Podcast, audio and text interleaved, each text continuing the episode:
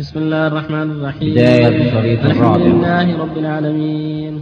والصلاة والسلام على نبينا محمد وعلى آله وصحبه أجمعين. أما بعد قال الحافظ ابن القيم رحمه الله تعالى في فوائد ذكر الله تعالى الفائدة السادسة والستون أن الملائكة تستغفر للذاكر كما تستغفر للتائب.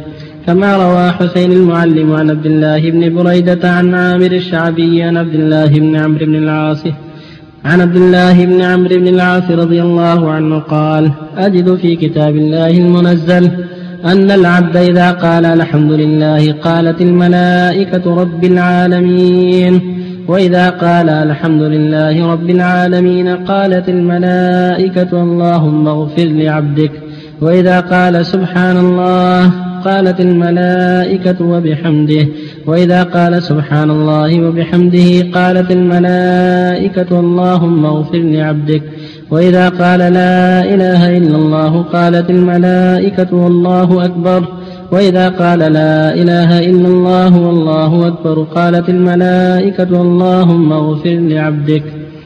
الفائدة السابعة والستون. إن الجبال والقفار تتباهى وتستبشر ممن يذكر عز وجل ممن يذكر الله عز وجل عليها. قال ابن مسعود إن الجبل لينادي الجبل باسمه. أمر أمر بك اليوم أحد يذكر الله عز وجل. فإذا قال نعم استبشر. قال عون بن عبد الله إن البقاع لينادي بعضها بعضا. يا جارتاه. أمر بك اليوم أحد يذكر أمر بك اليوم أمر بك اليوم أحد يذكر الله فقائلة نعم وقائلة لا. فقال الأعمش عن مجاهد إن الجبل لينادي الجبل باسمه يا فلان هل مر بك هل مر بك اليوم هل مر بك اليوم ذاكر لله عز وجل؟ فمن قائل لا ومن قائل نعم. الثامنة والستون أن كثرة ذكر الله عز وجل أمان من النفاق فإن المنافقين قليل الذكر لله عز وجل. قال الله عز وجل في المنافقين ولا يذكرون الله إلا قليلا وقال كعب من أكثر ذكر الله عز وجل برئ من النفاق ولهذا والله أعلم ختم الله تعالى سورة المنافقين بقوله تعالى يا أيها الذين آمنوا لا تلهكم أموالكم ولا أولادكم عن ذكر الله ومن يفعل ذلك فأولئك هم الخاسرون فإن في ذلك تحذيرا من فتنة المنافقين الذين غفلوا عن ذكر الله عز وجل فوقعوا في النفاق وسئل بعض الصحابة رضي الله عنهم عن الخوارج منافقون هم قال المنافقون لا يذكرون الله إلا قليلا. فهذا من علامة النفاق. قلة ذكر الله عز وجل وكثرة ذكره يمان من النفاق. والله عز وجل أكرم من أن يبتلي قلبا ذاكرا بالنفاق. وإنما ذلك لقلوب غفلت عن ذكر الله عز وجل. بسم الله الرحمن الرحيم الحمد لله وصلى الله وسلم على رسول الله. أما بعد هذه فوائد فوائد الذكر كلها تدعو المؤمن إلى أن يشتغل بذكر الله وأن يكون رسالة اطول من ذكر الله.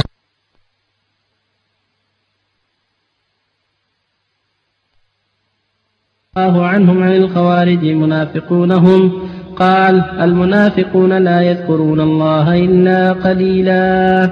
فهذا من علامة النفاق. قلة ذكر الله عز وجل وكثرة ذكره يمان من النفاق. والله عز وجل أكرم من أن يبتلي قلبا ذاكرا بالنفاق. وإنما ذلك لقلوب غفلت عن ذكر الله عز وجل. بسم الله الرحمن الرحيم. الحمد لله وصلى الله وسلم على رسول الله. اما بعد هذه فوائد فوائد الذكر كلها تدعو المؤمن إلى أن يشتغل بذكر الله وأن يكون رسالة أطول من ذكر الله كما أمره الله ورغبه سبحانه وتعالى. يقول جل وعلا يا أيها الذين آمنوا اذكروا الله ذكرا كثيرا وسبحوه بكرة وأصيلا. ويقول جل وعلا إن المسلمين والمسلمات والمؤمنين والمؤمنات والقانتين والقانتات إلى أن قال سبحانه في ختم صفاتهم العظيمة والذاكرين الله كثيرا والذاكرات أعد الله لهم مغفرته وأجرا عظيما. قال جل وعلا فإذا قضيت الصلاة فانتشروا في الأرض وابتغوا من فضل الله واذكروا الله كثيرا لعلكم تفلحون. وفي هذه الآثار أن الملائكة تستبشر بالذاكرين وتدعو لهم تدعو الله لهم بالمغفرة والبقاع يستبشر بعضها إذا مر عليه من يذكر الله جل وعلا. فينبغي المؤمن أن يكثر من ذكر الله عز وجل. وفي ذلك أيضا مخالفة لأهل النفاق وبعد عن صفاتهم. فإن أهل النفاق أهل غفلة وقلة ذكر كما قال جل وعلا إن المنافقين يخادعون الله وخادعهم وإذا قاموا إلى الصلاة قاموا كسالى يراءون الناس ولا يذكرون الله إلا قليلا. فمن صفاتهم الذميمة قلة ذكرهم لله وكثرة غفلتهم. فالمؤمن يخالفهم ويكون كثير الذكر لله. سبحان الله والحمد لله ولا إله إلا الله والله أكبر. سبحان الله وبحمده. سبحان الله العظيم. لا إله إلا الله وحده لا شريك له له الملك وله الحمد وهو على كل شيء قدير. يقرأ القرآن يكثر من الاستغفار يكون رطبا من ذكر الله. هكذا المؤمن. وسبق الحديث يقول صلى الله عليه وسلم سبق المفردون. قال يا رسول المفردون؟ قال الذاكرون الله كثيرا والذاكرات. سبقوا يعني سبقوا إلى كل خير. سبقوا إلى أسباب النجاة والسعادة. بكثرة ذكرهم لله بالقلب واللسان والعمل. فالمؤمن ذاكر الله بقلبه؟ ذاكر الله بلسانه ذاكر الله بجوارحه ليس بغافل فالمشروع لك أيها المؤمن أن تكون متاسيا باخوانك المؤمنين السابقين إلى الخيرات المسارعين إلى أنواع الفضائل تعسى بهم في طريقك في مسجدك في بيتك على فراشك في كل مكان. وفق الله جميعا. الله الله علي بن أبي طالب رضي الله عنه وفاطمة رضي الله عنها وثلاثه أن يسبح الله 33 ويحمد الله 33 ويكبر الله 34 هذه سنة. سنة عند النوم نعم. سنة. أيوه اذا عند النوم عند النوم يأتي بهذه يسبح الله 33 ويحمد الله 33 ويكبر الله 34 هذه السنة. عند بعدها يعني مثلا هل يقرأ آية الكرسي والمعوذات ثم ينفث بيديه ويمسح قبلها قبلها ولا بعدها؟ كله كله الأمر واسع. قبلها ولا بعدها؟ الحمد لله. يقرأ آية الكرسي ويقرأ قل هو الله ثلاث مرات في كفيه فيمسح على وجهه وما أقبل من جسده كما فعله النبي صلى الله عليه وسلم وغير ياتي بالتعوذات الشرعية وبكلمات الله التامات من شر ما خلق. بسم الله الذي لا يضر مع اسمه شيء في الأرض ولا في السماء ثلاث مرات. اللهم رب السماوات السبع والأرض إلى آخره. بالاذكار الشرعية يأتي بها سواء مع قبل التسبيح أو بعد التسبيح. يمسح عند قراءة قل الله المعوذتين خاصة إذا قرأ قل الله المعوذتين ينفث في كفيه ينفث على رأسه وعلى وجهه وصدره. هذا كان يفعله عند النوم. يقرأ قل الله المعوذتين عند النوم في كفيه. ولا سيما إذا اشتكى عليه الصلاة والسلام. الشيخ لو زاد على المرة لو زاد على المرة يعني المعوذتين قراها أكثر من مرة ثلاث مرات السنة ثلاث مرات. بعد الفجر والمغرب وعند النوم ثلاث مرات. بعد الفجر بعد المغرب وعند النوم ثلاث مرات. هذا الأفضل. لو يقرأها مرة ما في بأس لكن السنة ثلاث. وإذا يقرأها كثير. يترددها مثل العامل اللي ما عنده شيء ما عنده لكن اللي عنده الحمد لله. القرآن يقرأ القرآن كله. يقرأ. كل ما ختم ردد. كل ما ختم عود. قول ابن مسعود الجبال يسأل بعضهم البعض. بالنسبة إذا مر عليهم الذاكر هذا إن صح إن صح. قد يكون سمعه قد يكون ساقه من بني إسرائيل قد يكون سمعه من النبي. ما رفعه النبي صلى الله عليه وسلم. هذا يحتاج إلى دليل عن المعصوم عليه الصلاة والسلام؟ مما يقال مما يروى. للتشجيع للتشجيع على الخير. أما الجزم أما الجزم به لا. الله إليك لا يقال هذا أن قول ابن مسعود لا يقال من باب الرأي. احتمل أن يكون. سمعه واحتمل يكون. من أخبار بني إسرائيل. يصلي قائما ويصلي قاعدا. هل يستوي في القعود الجلوس على الكرسي أو الجلوس على الأرض؟ حسب التيسير. جالس على الأرض حتى يسجد أو لا يسجد. إن كان ما يستطيع الحمد لله. فاتقوا الله ما استطعتم بالنسبة للخوارج سئل علي رضي الله عنه. خوارج هم يكونون قليل يكونون كثير لكن خوارج بسبب تعديهم الحدود مروقهم من الإسلام. وهم منافقون هم الرصاد عند الجمهور كفر عند الآخرين. لأنهم كفروا المسلمين واستحلوا دماءهم فصاروا كفار. يمرقون من الإسلام ثم لا يعودون إليه. وهم يجب إلا ذكرهم بل لفعلهم القبيح نعم بعد منكرا متى يسمى الرجل خارجيا؟ إذا فعل فعله.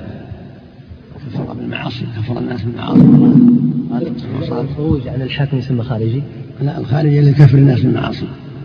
يرى أنهم خالدون في النار هذا خالد الله إليك الخوارج في عهد علي لم يعتقدوا تكفير الناس بل خرجوا عليه. بعد قتلوه كفروه. الله قتلوه قتله من واحد منهم. لكن أحسن الله إليك هل يرى كانوا يرون التكفير بالكبيرة في عهد علي الخوارج؟ ولا في حق من يكفر يفرق لكن الرسول كفره يمرق الإنسان ثم لا يعود إليه قال الحافظ ابن القيم رحمه الله تعالى في فوائد ذكر الله تعالى الفائدة التاسعة والستون أن للذكر من بين الأعمال لذة لا تشبهها شيء فلو لم يكن للعبد أن للذكر من من بين الأعمال لذة لا لا تشبهها شيء. لا يشبهها شيء. فلو لم يكن للعبد من ثوابه إلا اللذة الحاصلة للذاكر والنعيم الذي يحصل لقلبه لكفى به. ولهذا سميت مجالس الذكر رياض رياض الجنة. قال مالك بن دينار ما تلذذ المتلذذون بمثل ذكر الله عز وجل فليس شيء من الأعمال أخف مؤونة منه ولا أعظم لذة ولا أكثر فرحة وابتهاجا للقلب. السبعون أنه يكسو الوجه نظرة في الدنيا ونورا في الآخرة فالذاكرون أنظر الناس وجوها في الدنيا وأنورهم في الآخرة ومن المراسيل عن النبي صلى الله عليه وسلم قال من قال كل يوم مئة مرة لا إله إلا الله وحده لا شريك له له الملك وله الحمد يحيي ويميت بيده الخير وهو على كل شيء قدير. أتى الله يوم القيامة ووجهه أشد بياضا من القمر ليلة البدر. الحادية والسبعون أن في دوام الذكر في الطريق والبيت والحضر والسفر والبقاع تكثيرا لشهود العبد يوم القيامة فإن, فإن البقعة والدار والجبل والأرض تشهد للذاكر يوم القيامة.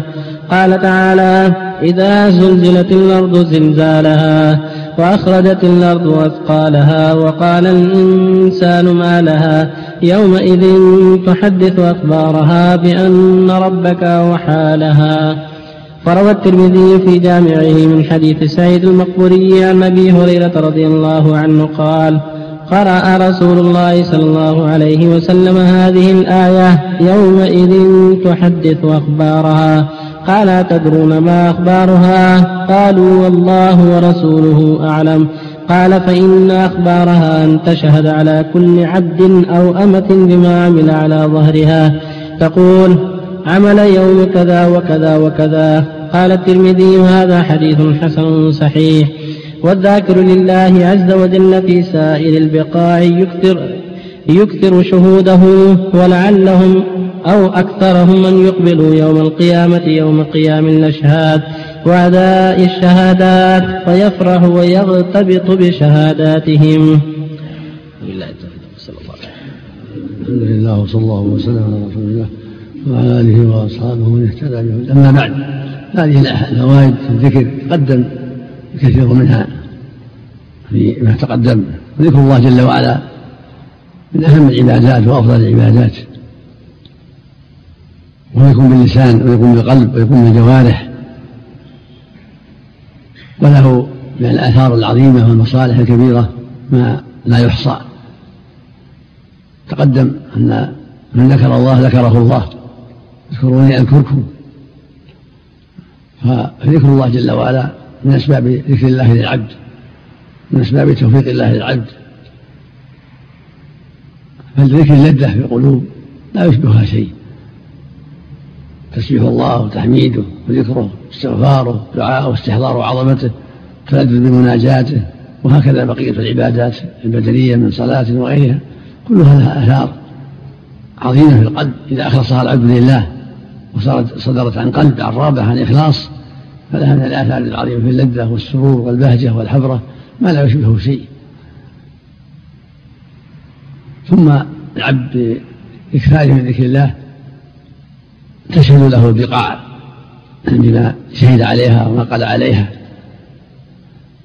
كما في قوله جل وعلا وإن تحدث أخبارها بأن ربك أوحى لها. ويذكره الله من عنده في الملأ الأعلى فينبغي للمؤمن أن يكثر من ذكر الله التسبيح والتحميد والتهليل والتكبير. كذلك إكثار من قول لا إله إلا لا إله إلا الله لا شريك له. له الملك وله الحمد وهو على كل شيء مائة مرة. له فضل عظيم. تقدم قوله صلى في الحديث الصحيح الصحيحين من قال لا إله إلا وحده لا شريك له له الملك وله الحمد وهو على كل شيء قدير في يوم مائة مرة. كان له عدل عشر رقاب. وكتب الله له مائة حسنة ومحيت له مائة سيئة. وكان في من الشيطان يومه ذلك حتى يمسي. ولم يأتي أحد بأفضل مما جاء به إلا رجل عمل أكثر من عمله. فيقول عليه الصلاة والسلام أحبك الله أحبك من الله سبحان الله. والحمد لله ولا إله إلا الله والله أكبر. هذه الكلمات الأربع أحب كلام الله جل وعلا. سبحان الله والحمد لله ولا إله إلا الله والله أكبر. وهي الباقيات الصالحات مع, مع قول لا حول ولا قوة إلا بالله. يقول صلى الله عليه وسلم الباقيات الصالحات سبحان الله والحمد لله ولا إله إلا الله والله أكبر. ولا حول ولا قوة إلا بالله. يعني من الباقيات الصالحات. الأعمال الصالحة كلها من الباقيات الصالحات لكن هذا منها هذا الذكر من الباقيات الصالحات. ثم هو يشجع العبد على أعمال الخير ذكر الله يشجعه على الأعمال الأخرى على الصدقة على كرات العبادة العملية من صلاة وصوم وعيادة المريض وحضور مجالس العلم إلى غير ذلك. فإكثار من الذكر يشجع على كل خير يذكر بالله وبحقه. وبالأعمال التي يرضيه فيكون صاحب الذكر المكثر منه في غاية من القوة والنشاط في بقية الأعمال الصالحات. نسأل الله لجميع التوفيق والهداية الله إليك حديث الترمذي قال حديث حسن صحيح. هذا على عادته رحمه الله إذا قال حسن صحيح حسن من جهة من جهة صحيح من جهة. من طريق وحسن صحيح من طريق أو شك بمعنى حسن أو صحيح. اصطلاحات الترمذي لها خاصة رحمه الله. أحسن الله إليك. يقول ضعيف الترمذي في صفة القيامة باب ما جاء في العرض. وفي التفسير بابه من سورة إذا زلزلت. والحاكم في المستدرك وضعيف الجامع للألباني. يحتاج تأمل أو يحتاج تأمل شيخ. الله إليك. امرأة توسوس في الصلاة. قالت إن عافاني الله من هذا الوسواس أسجد سجود الشكر بعد كل فريضة. هل هذا يعتبر من البدعة يا شيخ؟ لو كل يوم بعد كل فرض. نذر نذر نذر. نذر نذرت أنها تسجد لله عز وجل سجود الشكر بعد كل وعافاها الله. نعم. تسجد الشكر عبادة قربة يعني تستمر؟ وهو بدعة. أي. يعني ما تعتبر النذر طاعة نذر والناس من نذر يطيع الله فليطيعه. سجود الشكر نعمة عظيمة يكون الله عافية من الوساوس نعمة كبرى. تستمر عليه. لا بأس لا حرج. جزاك الله خير. الذي قبله المراسيل أبي هريرة. يعني من المراسيل؟ المراسيل ضعيفة يعني المراسيل قول التابع قول التابع رسول الله قال رسول الله ما يعني بها سعيد المسيب؟ ما يعني بها سعيد المسيب؟ وش عندك؟ وش عندك؟ مكتوب ومن المراسيل عن النبي صلى الله عليه وسلم. ما ما عدا أحد. سبحان الله. قال الحافظ ابن القيم رحمه الله تعالى في فوائد ذكر الله تعالى الفائدة الثانية والسبعون أن في الاشتغال بالذكر اشتغالا عن الكلام الباطل من الغيبة والنميمة واللغو ومدح الناس وذمهم وغير ذلك فإن اللسان لا يسكت البتة فإما لسان ذاكر وإم فإم وإما لسان لاغ ولا بد من أحدهما فهي النفس إن لم تشغلها بالحق شغلتك بالباطل. وهو القلب وإن لم تسكنه محبة الله عز وجل سكنته محبة المخلوقين ولا بد. وهو اللسان إن لم تشغله بالذكر شغلك بالله وهو عليك ولا بد فاختر لنفسك إحدى الخطتين وأنزلها في إحدى المنزلتين. الثالثة والسبعون وهي التي بدأنا بذكرها وأشرنا إليها إشارة. فنذكرها ها هنا مبسوطة لعظيم الفائدة بها وحاجة كل أحد بل ضرورته إليها وهي أن الشياطين قد احتوشت العبد وهم, وهم أعداؤه. فما ظنك برجل قد احتوشه أعداؤه المحنقون عليه غيظا وأحاطوا به وكل منهم يناله بما يقدر عليه من الشر والأذى. ولا سبيل إلى تفريق جميعهم عنه إلا بذكر الله عز وجل. وفي هذا الحديث العظيم الشريف القدر الذي ينبغي لكل مسلم أن يحفظه فنذكره بطوله لعموم فائدته وحاجة الخلق إليه وهو حديث سعيد بن المسيب عن عبد الرحمن بن سمرة بن حبيب قال خرج علينا رسول الله صلى الله عليه وسلم يوما وكنا في صفة بالمدينة فقام علينا وقال إني رأيت البارحة عجبا رأيت رجلا من أمتي يتاه ملك الموت ليقبض روحه فجاءه بره بوالدته فرد ملك الموت فرد ملك الموت عنه ورأيت رجلا من أمتي قد بسط عليه عذاب القبر فجاءه وضوءه واستنقذه من ذلك. ورأيت رجلا من أمتي قد احتوشته الشياطين. فجاءه ذكر الله عز وجل فطرد الشيطان عنه. ورأيت رجلا من أمتي قد احتوشته ملائكة العذاب فجاءت صلاته فاستنقذته من أيديهم. ورأيت رجلا من أمتي يلتهب وفي رواية يلهث عطشا. كلما دنا من حوض منع وطرد. فجاءه صيام شهر رمضان فأسقاه وأرواه. ورأيت رجلا من أمتي ورأيت النبيين جلوسا حلقا حلقا.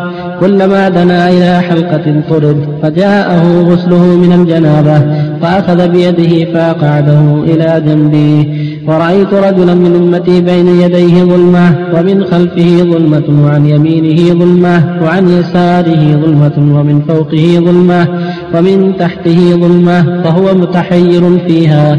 فجاءه حجه وعمرته فاستخرجاه من الظلمة وأدخلاه في النور. ورأيت رجلا من أمتي يتقي بيده وهد, وهد, وهد النار وشرره فجاءت صدقته فصارت سترة بينه وبين النار وظللت على رأسه. ورأيت رجلا من أمتي يكلم المؤمنين ولا يكلمونه فجاءته صلته لرحمه فقالت يا معشر المسلمين إنه كان وصولا لرحمه فكلموه. فكلمه المؤمنون وصافحوه وصافحهم. ورأيت رجلا من أمتي قد احتوشته الزبانية فجاءه أمره بالمعروف ونهيه عن المنكر فاستنقذه من أيديهم وأدخله في ملائكة الرحمة. ورأيت رجلا من أمتي جاثيا على ركبتيه وبينه وبين الله عز وجل حجاب. فجاءه حسن خلقه فأخذه بيده فأدخله على الله عز وجل. ورأيت رجلا من أمتي قد ذهبت صحيفته من قبل شماله فجاءه خوفه من الله عز وجل فأخذ صحيفته فوضعها في يمينه. ورأيت رجلا من أمتي خف ميزانه فجاءه أفراطه فثقلوا ميزانه وجاء ورأيت رجلا من أمتي قائما على شفير جهنم فجاءه رجاؤه في الله عز وجل فاستنقذه من ذلك ومضى. ورأيت رجلا من أمتي قد أهوي في النار فجاءت دمعته ورأيت رجلا من أمتي قد أهوي في النار. ورأيت رجلا من, من أمتي قد أهوى في النار. فجاءت دمعته التي بكى من خشية الله عز وجل فاستنقذته من ذلك. ورأيت رجلا من أمتي قائما على صراطي. يرعد كما ترعد السعفة في ريح عاصف فجاءه حسن ظنه بالله عز وجل فسكن رعدته ومضى. ورأيت رجلا من أمتي يزحف على الصراط ويحبو أحيانا ويتعنق أحيانا. فجاءت صلاته علي فأقامته على قدميه وأنقذته. ورأيت رجلا من أمتي انتهى إلى أبواب إلى أبواب الجنة فغلقت الأبواب دونه فجاءت شهادة لا إله إلا الله ففتحت له الأبواب وأدخلته الجنة. رواه الحافظ أبو موسى المديني في في كتاب الترغيب في الخصال المنجية والترهيب من الخلال المردية. وبنى كتابه عليه وجعله شرحا له. وقال هذا حديث حسن جدا. رواه عن سعيد بن المسيب عمر بن ذر وعلي بن زيد بن جدعان وهلال, وهلال أبو جبلة وكان شيخ وهلال أبو جبلة.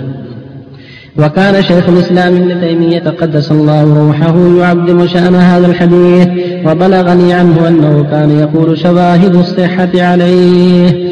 والمقصود منه قوله صلى الله عليه وسلم ورأيت رجلا من أمتي قد احتوشته الشياطين فجاءه ذكر الله عز وجل فطرد الشيطان عنه. فهذا مطابق لحديث الحارث الأشعري الذي شرحناه في هذه الرسالة.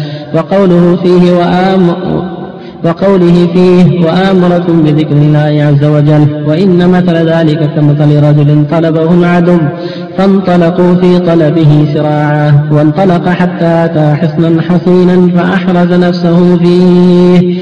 فكذلك الشيطان لا يحرز العباد أنفسهم منه إلا بذكر الله عز وجل. وفي الترمذي عن أنس بن مالك رضي الله عنه قال قال رسول الله صلى الله عليه وسلم من قال من قال يعني إذا خرج من بيته بسم الله توكلت على الله لا حول ولا قوة إلا بالله. يقال له كفيت وهديت ووقيت وتنحى عنه الشيطان فيقول لشيطان آخر كيف لك برجل قد هدي وكفي ووقي رواه أبو داود والنسائي والترمذي وقال حديث حسن. الحمد لله وصلى الله وسلم على رسول الله وعلى آله وأصحابه ومن اهتدى أما بعد هذا الحديث وما جاء في معناه من الاحاديث الداله على فضل ذكر الله كلها توجب للمؤمن العناية بهذا الأمر وأن يعلم أن كل طاعة لله وكل قربة لله تبعده من النار ومن الشياطين وتقربه من الجنة ومن الرحمن عز وجل.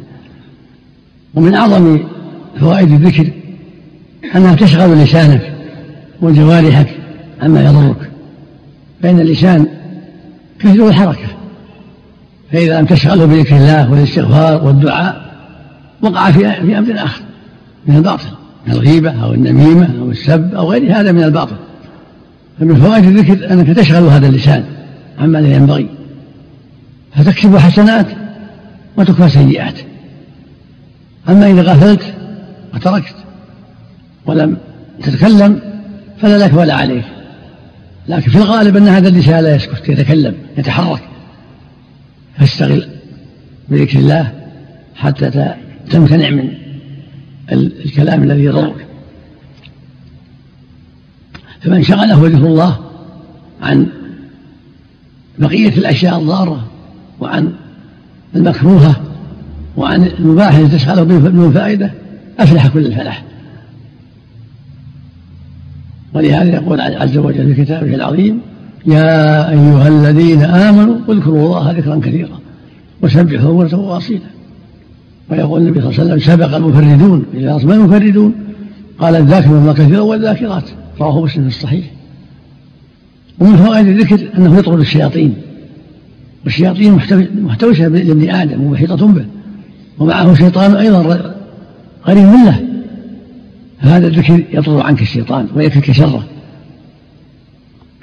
كما قال الله عز وجل ومن يعش عن ذكر الرحمن نقيض له شيطانا وهو له قرين.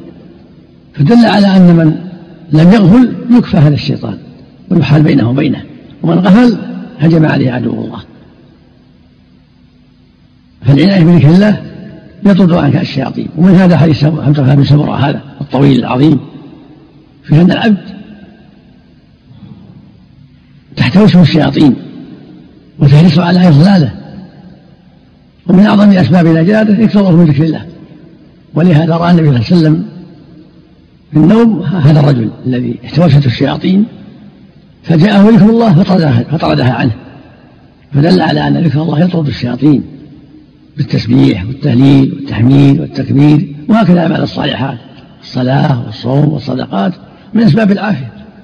فالصدقة لها شأن والصوم له شأن وبر الوالدين والوضوء الشرعي والغسل من الجنابة صيام رمضان والإكثار من الصلاة والدعوة إلى الله والأمر بالمعروف والنهي عن المنكر إلى غير هذا من وجوه خير كلها من أسباب وقاية عذاب الله ومن أسباب السلامة من شر أعداء الله شياطين الإنس والجن.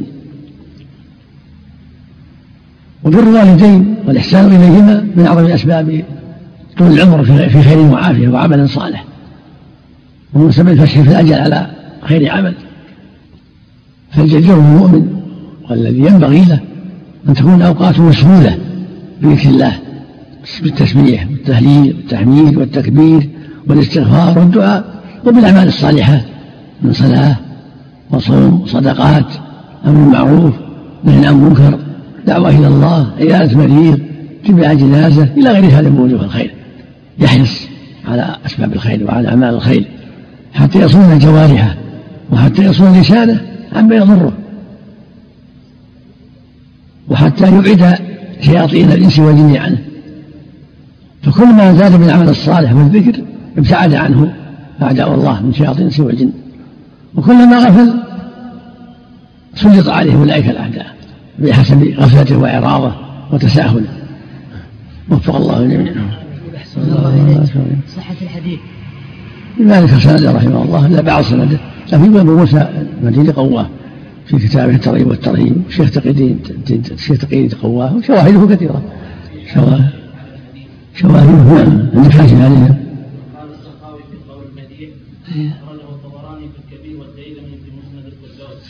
وابن شاذان في مشيخته مطولة وفي سنده علي بن زيد بن جدعان وهو مختلف فيه ورواه الطبراني لكن مع مع علي وعمر بن جرز ثقة.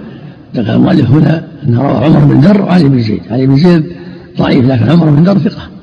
لكن الشافعي من دونهم. ورواه الطبراني من غير طريقه بسند ضعيف أيضا وهو عند أبي موسى المديني في الترغيب وعده في رواية فرج بن فضالة عن هلال فضالة فرج بن فضالة. فرج بن فضالة عن هلال أبي جبل عن سعيد وقال هذا حديث حسن جدا وقال الرشيد العطار هذا أحسن طرقه وأخرجه التيمي وغيره مطولا وكذا الباغيان في فوائده عن أبي عمرو بن منده بسنده إلى مجاهد عن عبد الرحمن بن سمرة. وقال غريب وروي من حديث يحيى بن سعيد الأنصاري وعبد الرحمن بن حرملة وعلي بن زيد وسعيد وغيرهم عن سعيد بن المسيب.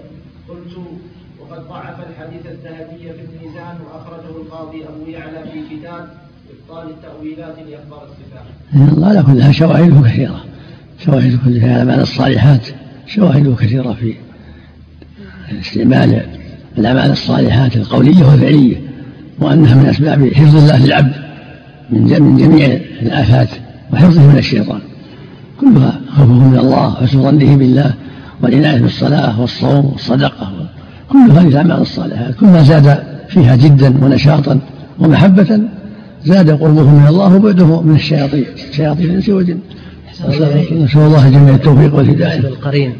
أقول بالنسبة للقرين إذا الإنسان اتقى الله عز وجل وذكر الله كثيرا ممكن يسلم القرين؟ لا شك لا شك. يصونه الله. منه لا يسلم. هل ممكن يسلم؟ لا الإسلام الله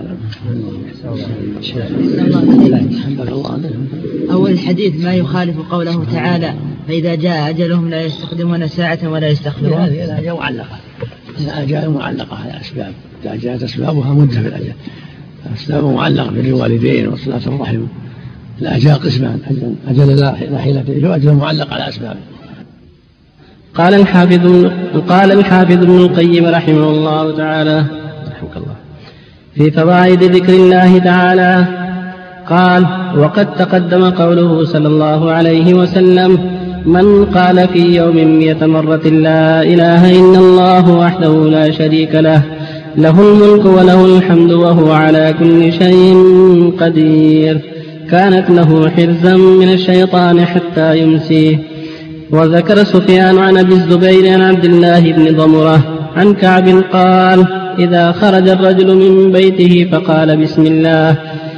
فقال بسم الله. قال الملك هديت. وإذا قال توكلت على الله. قال الملك كفيت. وإذا قال لا حول ولا قوة إلا بالله. قال الملك حفظت.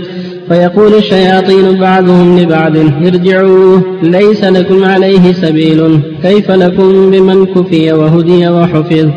وقال أبو خلاد المصري من دخل في الإسلام دخل في حصن ومن دخل المسجد فقد دخل في حصنين ومن جلس في حلقة يذكر, يذكر الله عز وجل فيها فقد دخل في ثلاثة حصون. وقد روى الحافظ أبو موسى في كتابه من حديث أبي عمران الجوني عن أنس رضي الله عنه عن النبي صلى الله عليه وسلم قال إذا وضع العبد جنبه على فراشه فقال بسم الله وقرأ فاتحة الكتاب أمن من, من شر الجن والإنس ومن شر كل سائر ومن شر كل شيء. وفي صحيح البخاري نعم. قال الهيثمي في المجمع رواه البزار وفيه غسان بن عبيد وهو ضعيف ووثقه ابن حبان وبقية رجال رجال الصحيح. وفي صحيح البخاري عن محمد بن سيرين عن أبي هريرة رضي الله عنه قال ولاني رسول الله صلى الله عليه وسلم زكاة رمضان أن أحتفظ بها فأتاني آت فجعل يحث الطعام فأخذته فقال دعني فإني لا أعود فذكر الحديث. وقال فقال له في الثالثة أعلمك كلمات ينفعك الله بهن. إذا أويت إلى فراشك فاقرأ آية الكرسي من أولها إلى آخرها فإنه لا يزال عليك من الله حافظ ولا يقربك شيطان حتى تصبح. فخلى سبيله فأصبح فأخبر النبي صلى الله عليه وسلم بقوله فقال صدقك وهو كذوب. وذكر الحافظ أبو موسى من حديث أبي الزبير عن جابر رضي الله عنه قال قال رسول الله صلى الله عليه وسلم إذا أوى الإنسان إلى فراشه ابتدره ملك وشيطان فيقول الملك اختم بخير ويقول الشيطان اختم بشر فإذا ذكر الله تعالى حتى يغلبه يعني النوم طرد الملك الشيطان وبات يكلأه فإذا, فإذا استيقظ ابتدره ملك وشيطان فيقول الملك افتح بخير ويقول الشيطان افتح بشر. فإن قال الحمد لله الذي أحيا نفسي بعد موتها ولم يمتها في منامها. الحمد لله الذي يمسك التي قضى عليها الموت ويرسل الأخرى إلى أجل مسمى. الحمد لله الذي يمسك السماوات والأرض أن تزولا. ولئن زالتا إن أمسكهما من أحد من بعده. الحمد لله الذي يمسك السماء أن تقع على الأرض إلا بإذنه. طرد الملك الشيطان وظل يكلأه وفي الصحيحين من حديث سالم بن أبي الجعد عن قريب عن ابن عباس رضي الله عنهما قال قال رسول الله صلى الله عليه وسلم أما لو أن أحدكم إذا أتى أهله قال بسم الله اللهم جنب الشيطان اللهم جنبنا الشيطان وجنب الشيطان ما رزقتنا فيولد بينهما ولد لا يضره شيطان أبدا. وعلى اله واصحابه من اهتدى أما بعد فهذه الأحاديث والآثار فيما يتعلق بفضل الذكر والتعوذ بالله والعناية بذكر الله وأن ذلك من أسباب السلام من الشيطان. ذكر الله جل وعلا يطرد الله به الشيطان كما قال جل وعلا ومن يعش ومن يعش عن ذكر الرحمن يقيض له شيطانا فهو له قرين. دل على أن العبد إذا غفل عن ذكر الله هجم عليه عدو الله. وما دام يشتغل بذكر الله فإن الله يحميه من مكائد عدوه والأحاديث الصحيحة في هذا كافية. والمؤلف قد يذكر بعض الأحاديث الضعيفة وكان الأولى به رحمه الله أن يقتصر على الأحاديث الصحيحة فيها الكفاية. فالسنة المؤمن إذا أوى إلى فراشه يقول بسم الله. باسمك ربي أحيا وأموت. بسم الله أموت وأحيا كما كان النبي يقول عليه الصلاة والسلام. باسمك ربي وضعت جنبي وبك أرفعه. إن أمسك نفسي فارحمها وإن أرسلتها فاحفظها مما تحفظ به عبادك الصالحين. ويسبح الله ثلاثة وثلاثين ويحمد الله ثلاثة وثلاثين ويكبر الله أربعة وثلاثين كما علم النبي صلى الله عليه وسلم عليا وفاطمة عند النوم. ويقرأ آية الكرسي كما في هذا الحديث وأنه لا يزال معه من الله حافظ ولا يقربه شيطان حتى يصبح. ويستحب له مع هذا يقرأ قل هو أحد المعبودتين ثلاث مرات عند النوم. كل هذه أمور ثابتة. كافية عن الآثار الضعيفة. أما قراءة الحمد فلم يثبت فيها شيء عند النوم بل هو حديث ضعيف. وعند استيقاظه يذكر الله يقول لا إله إلا الله له لا شريك له له الملك وله الحمد يحيي ويميت وهو على كل شيء قدير.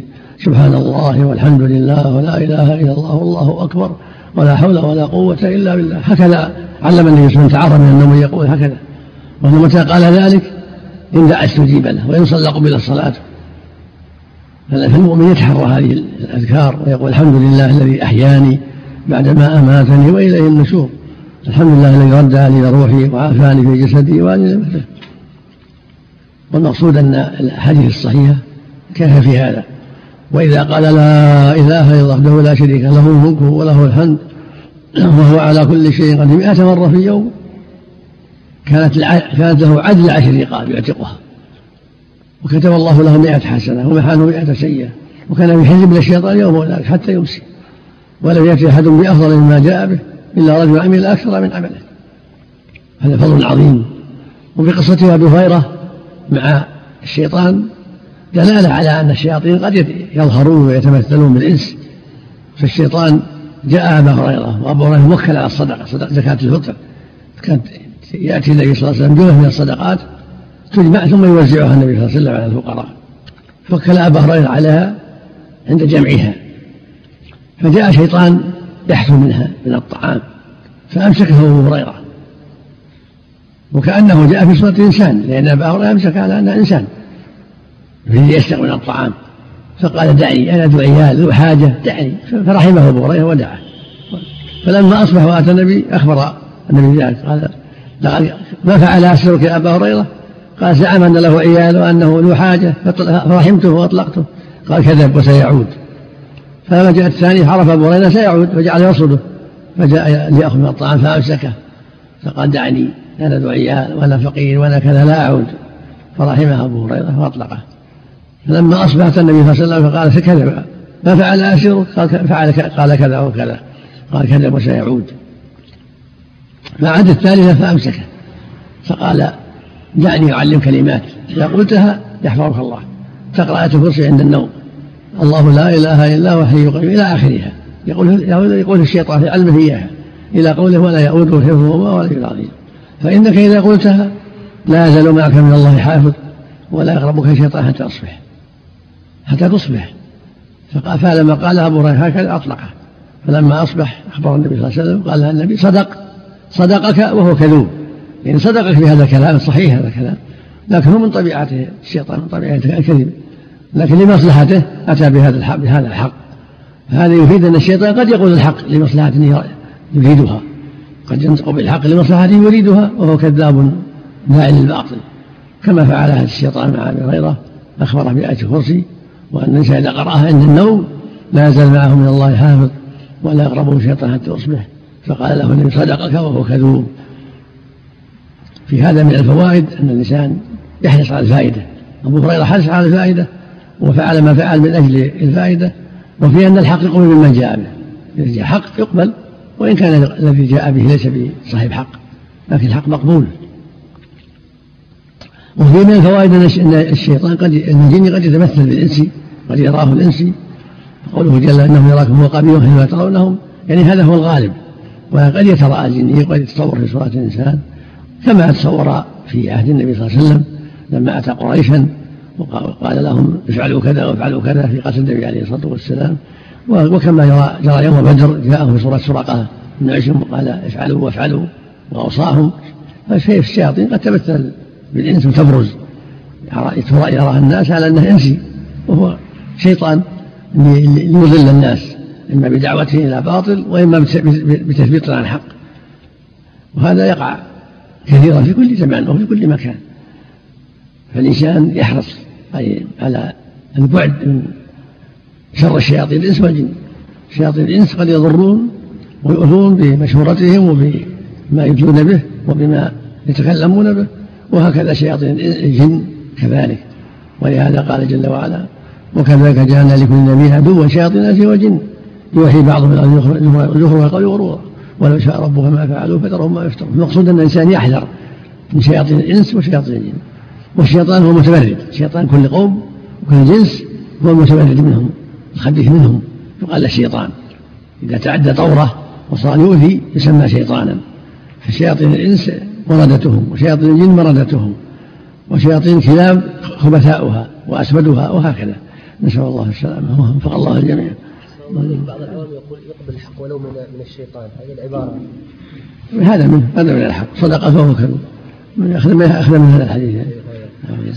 لو لو شخص سرق ومسكته ثم تاب هل نوصله إلى الحاكم أو أن نتركه مثل ما فعل أبو هريرة؟ إذا تركته وأدى الحق وسمح له لا ترفعه لا ترفعه ستر عليه وإذا سمح صاحب الحق الحمد لله أعطى حقه.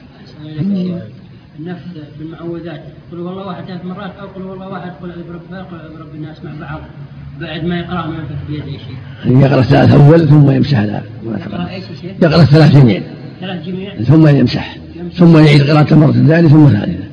عند النوم. هذا أفضل. هذا أفضل. كان فعل النبي يفعل إذا صلى الله عليه وسلم أحس بشيء. وفعله بعض وإن كان ما أحس بشيء عليه الصلاة والسلام. يقرأها عند النوم. وهل شرط الشيخ أن يجيب الترتيب أول شيء هذه أو مثلا لو الله. وسلم فاطمة وعلي رضي الله عنهم قال اذا اتيتم إلى فراشكم سبح الله ثلاث الله ثلاث وكبر الله أربع ايدين هل يجي ترتيب هذه الترتيب؟ لا لو قدم آخر ما يضر لو قدم آخر ما يضر بالنسبة للشيطان هل يتمثل بالحيوانات أيضا؟ نعم الشيطان هل يتمثل بالحيوانات؟ الشيطان قد يتمثل بالحيوان قد يمثل بالكلاب والذئاب. نعم. والقط السلم نعم. والحيات يعني جميع الحيوانات. قد يمثل لا ممكن لكن هذا الذي يعرف أما الجميع الله أعلم. الله الله الله لا ما يقتل. لا ما يقتل. لا بس بس الاسود كلب بس. ما جاء له كلبه في الحديث رجال وثقات هل يلزم من صحته؟ لا لا قد قد يكون علة أخرى. لكن الأصل صحته إذا غير ثقات لا صحة. إلا قد يكون فيه علة أو تدليس ولا انقطاع. الأصل أنه صحيح. هذا الأصل إذا أطلق. أحسن الله إليك على من ارتكب المعاصي مثلا شارب الخمر أو من ستر وجهه الله في الدنيا والآخرة ينصح يوصى قبل أن يرفع للسلطان. أما إذا رفع لا ما عاد يشفع فيه. يعني إذا مثلا وجد شخص يشرب خمر قال أنا تبت أستر عليه. تنصح أنت تنصح نعم. تنصح ويكفي أستر عليه. لا أبلغ عنه يعني. لا أفضل أفضل. كذلك سائر المعاصي. من ستر مسلم ستره الله في الدنيا والآخرة كذلك سائر المعاصي. نعم نعم. قبل أن ترفع السلطان. الله قال الحافظ ابن القيم رحمه الله تعالى في فوائد ذكر الله تعالى وذكر الحافظ أبو موسى عن الحسن بن علي قال أنا ضامن لمن قرأ هذه العشرين آية أن يعصمه الله تعالى من كل شيطان ظالم ومن كل وذكر الحافظ أبو موسى عن الحسن الحافظ الحافظ أبو موسى. نعم. وذكر الحافظ أبو موسى عن الحسن بن علي قال أنا ضامن لمن قرأ هذه العشرين آية أن يعصمه الله تعالى من كل شيطان ظالم ومن كل شيطان مريد ومن كل سبع ضار ومن كل لص عاد. آية الكرسي. وثلاث آيات من الأعراف. إن ربكم الله الذي خلق السماوات والأرض وعشرا من الصافات وثلاث آيات من الرحمن. يا معشر يا معشر الجن والإنس. وخاتمة سورة الحشر. لو أن لو أنزلنا هذا القرآن على جبل. وقال محمد بن أبان بينما رجل يصلي في المسجد إذا هو بشيء إلى جنبه فجفل منه. فقال ليس عليك مني بأس.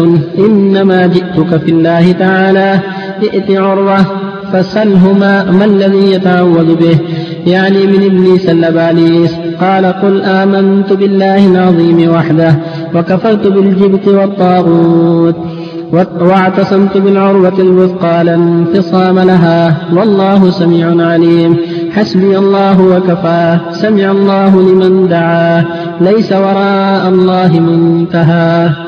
وقال بشر بن منصور عن وهيب بن الورد قال خرج رجل إلى الجبانة بعد ساعة من الليل قال فسمعت حسا أو أصواتا شديدا وجيء بسرير حتى وضع وجاء شيء حتى جلس عليه قال واجتمعت, واجتمعت إليه جنوده ثم صرخ فقال من لي بعروة بن الزبير فلم يجب أحد حتى تتابع ما شاء الله عز وجل من الأصوات. فقال واحد أنا أكفيكه قال فتوجه نحو المدينة وأنا ناظر ثم أوشك الرجعة. فقال لا سبيل إلى عروة.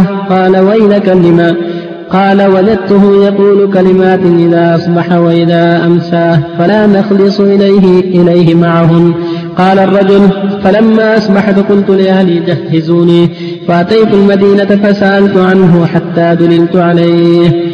فإذا شيخ كبير فقلت أشياء فقلت أشيئا تقوله إذا أصبحت وإذا أمسيت فأبى أن يخبرني فأخبرته بما رأيت وسمعت.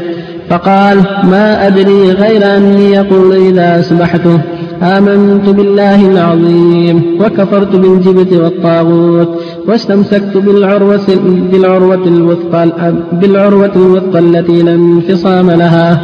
والله سميع عليم. إذا أصبحت قلت ثلاث مرات وإذا أمسيت قلت ثلاث مرات.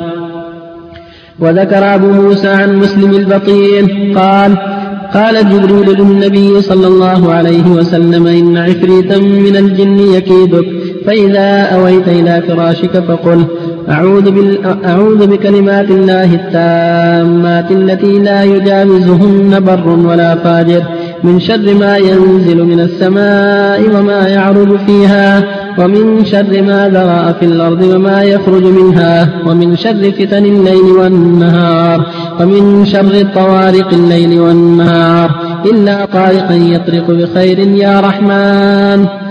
وقد ثبت في الصحيحين أن الشيطان يهرب من اللذان.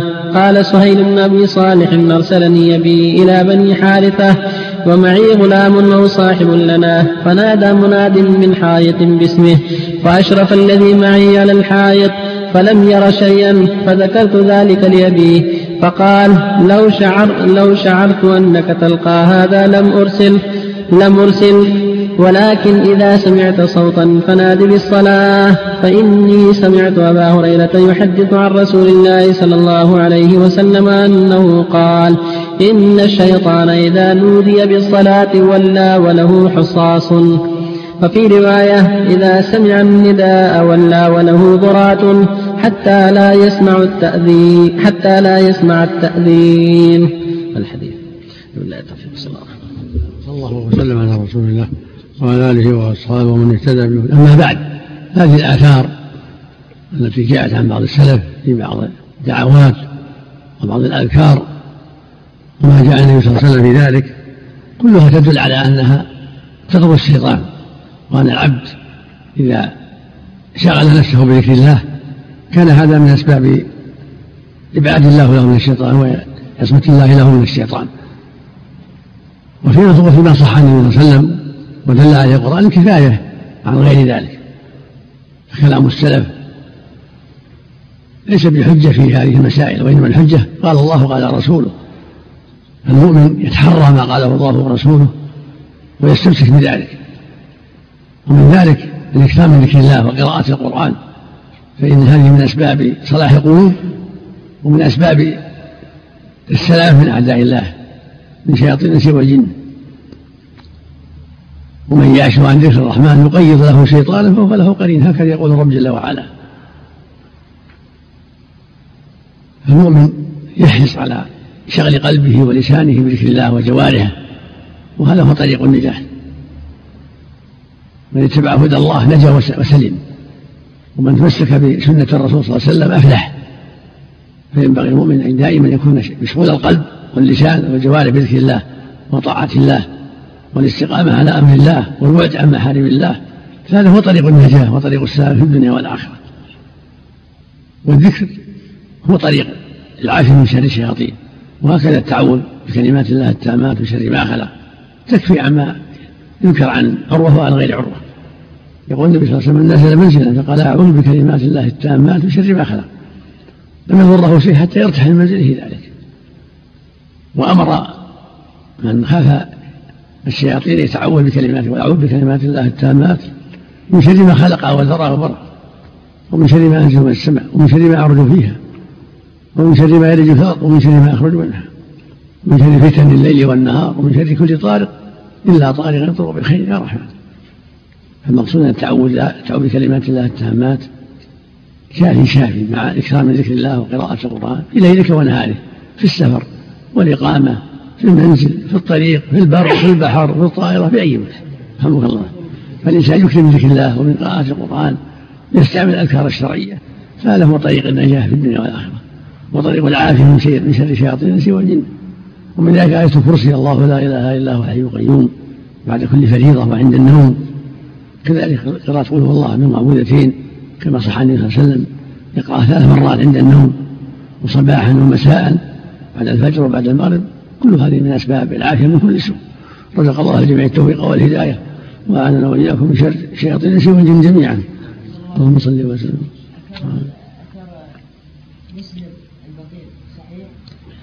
كل هذه آثار ما ما يعتمد عليها. العمدة هذا قال الله قال رسوله. ربه طاعة ربه طاعة. الذكر يكون في القلب وباللسان والأصل القلب. في القلب هو الأساس. لا ما لا ما يصلح. القراءة لابد من اللسان. القراءة لابد من اللسان. ما يكفي. القلب. لابد يقرأ بلسانه يسمع شيء يسمعه. ما يصلح. إذا قرأ الفاتحة بهذا ما يعيدها أما إذا قرأ الفاتحة ما يعيد. الفاتحة تكفي الفاتحة. الفاتحة هي الأساس. أحيانا يجون الناس يقولون نبغى شريط آية الكرسي والمعوذات. في ناس كبار السن ما يعرفونها لو وضعنا لهم آية الكرسي والمعوذات وفي نفس الوقت ممكن تستخدم رقية يا شيخ. لا تكتب لهم حتى لا بالشريط يسمعون كبار بالسن ما يخالف. يسمعون يستفيدون. يعني ممكن يحفظون منها ممكن تصير رقية. كل شيء شيء. مشغولة يعني مثلا آه، آه، على تطرد الشياطين. إذا شغل تطرد الشياطين إذا سمعوا القرآن كلها كلها كله خير. سماع القرآن كله خير. كله خير. كله خير لكن يكون يتحفظ ويقوله أحسن. يكون يتحفظ ويقوله هذا السنة مثل ما كان النبي يقول عليه الصلاة والسلام. لهم الآيات على أساس يحفظونها طيب. الله لا إله إلا هو الحي لا رياض الصالحين يزيد عن 20 حديثا تسوية الصفوف تطبيقها في الصفوف واجب أو سنة مؤكدة أو رغيبة حديث صحيحة حديث صحيحة في الصحيحين وغيرهما واجب التسوية كلها صحيحة يجب على على الناس ان يسووا صفوفهم وعلى الإمام أن ينبههم حتى يسووا الصفوف يسدوا الخلل صفوف مستقيمة هكذا واجب هكذا أمر النبي صلى الله عليه وسلم. أحسن عليك يا شيخ. بالنسبة للروضة هل هي المقصود بها روضة الرسول صلى الله عليه وسلم في المسجد النبوي أو في كل مسجد يا شيخ؟ العرف العامة العامة عندهم من وراء الإمام هذا روضة النبي معروفة. بين بين منبره وبيته. بين المنبر والبيت هذه هذه روضة مسجد خاصة. أما المساجد الأخرى ما فيها روضة. ما فيها روضة. ما سبب من كلام العامة بس. أي جزاك الله خير.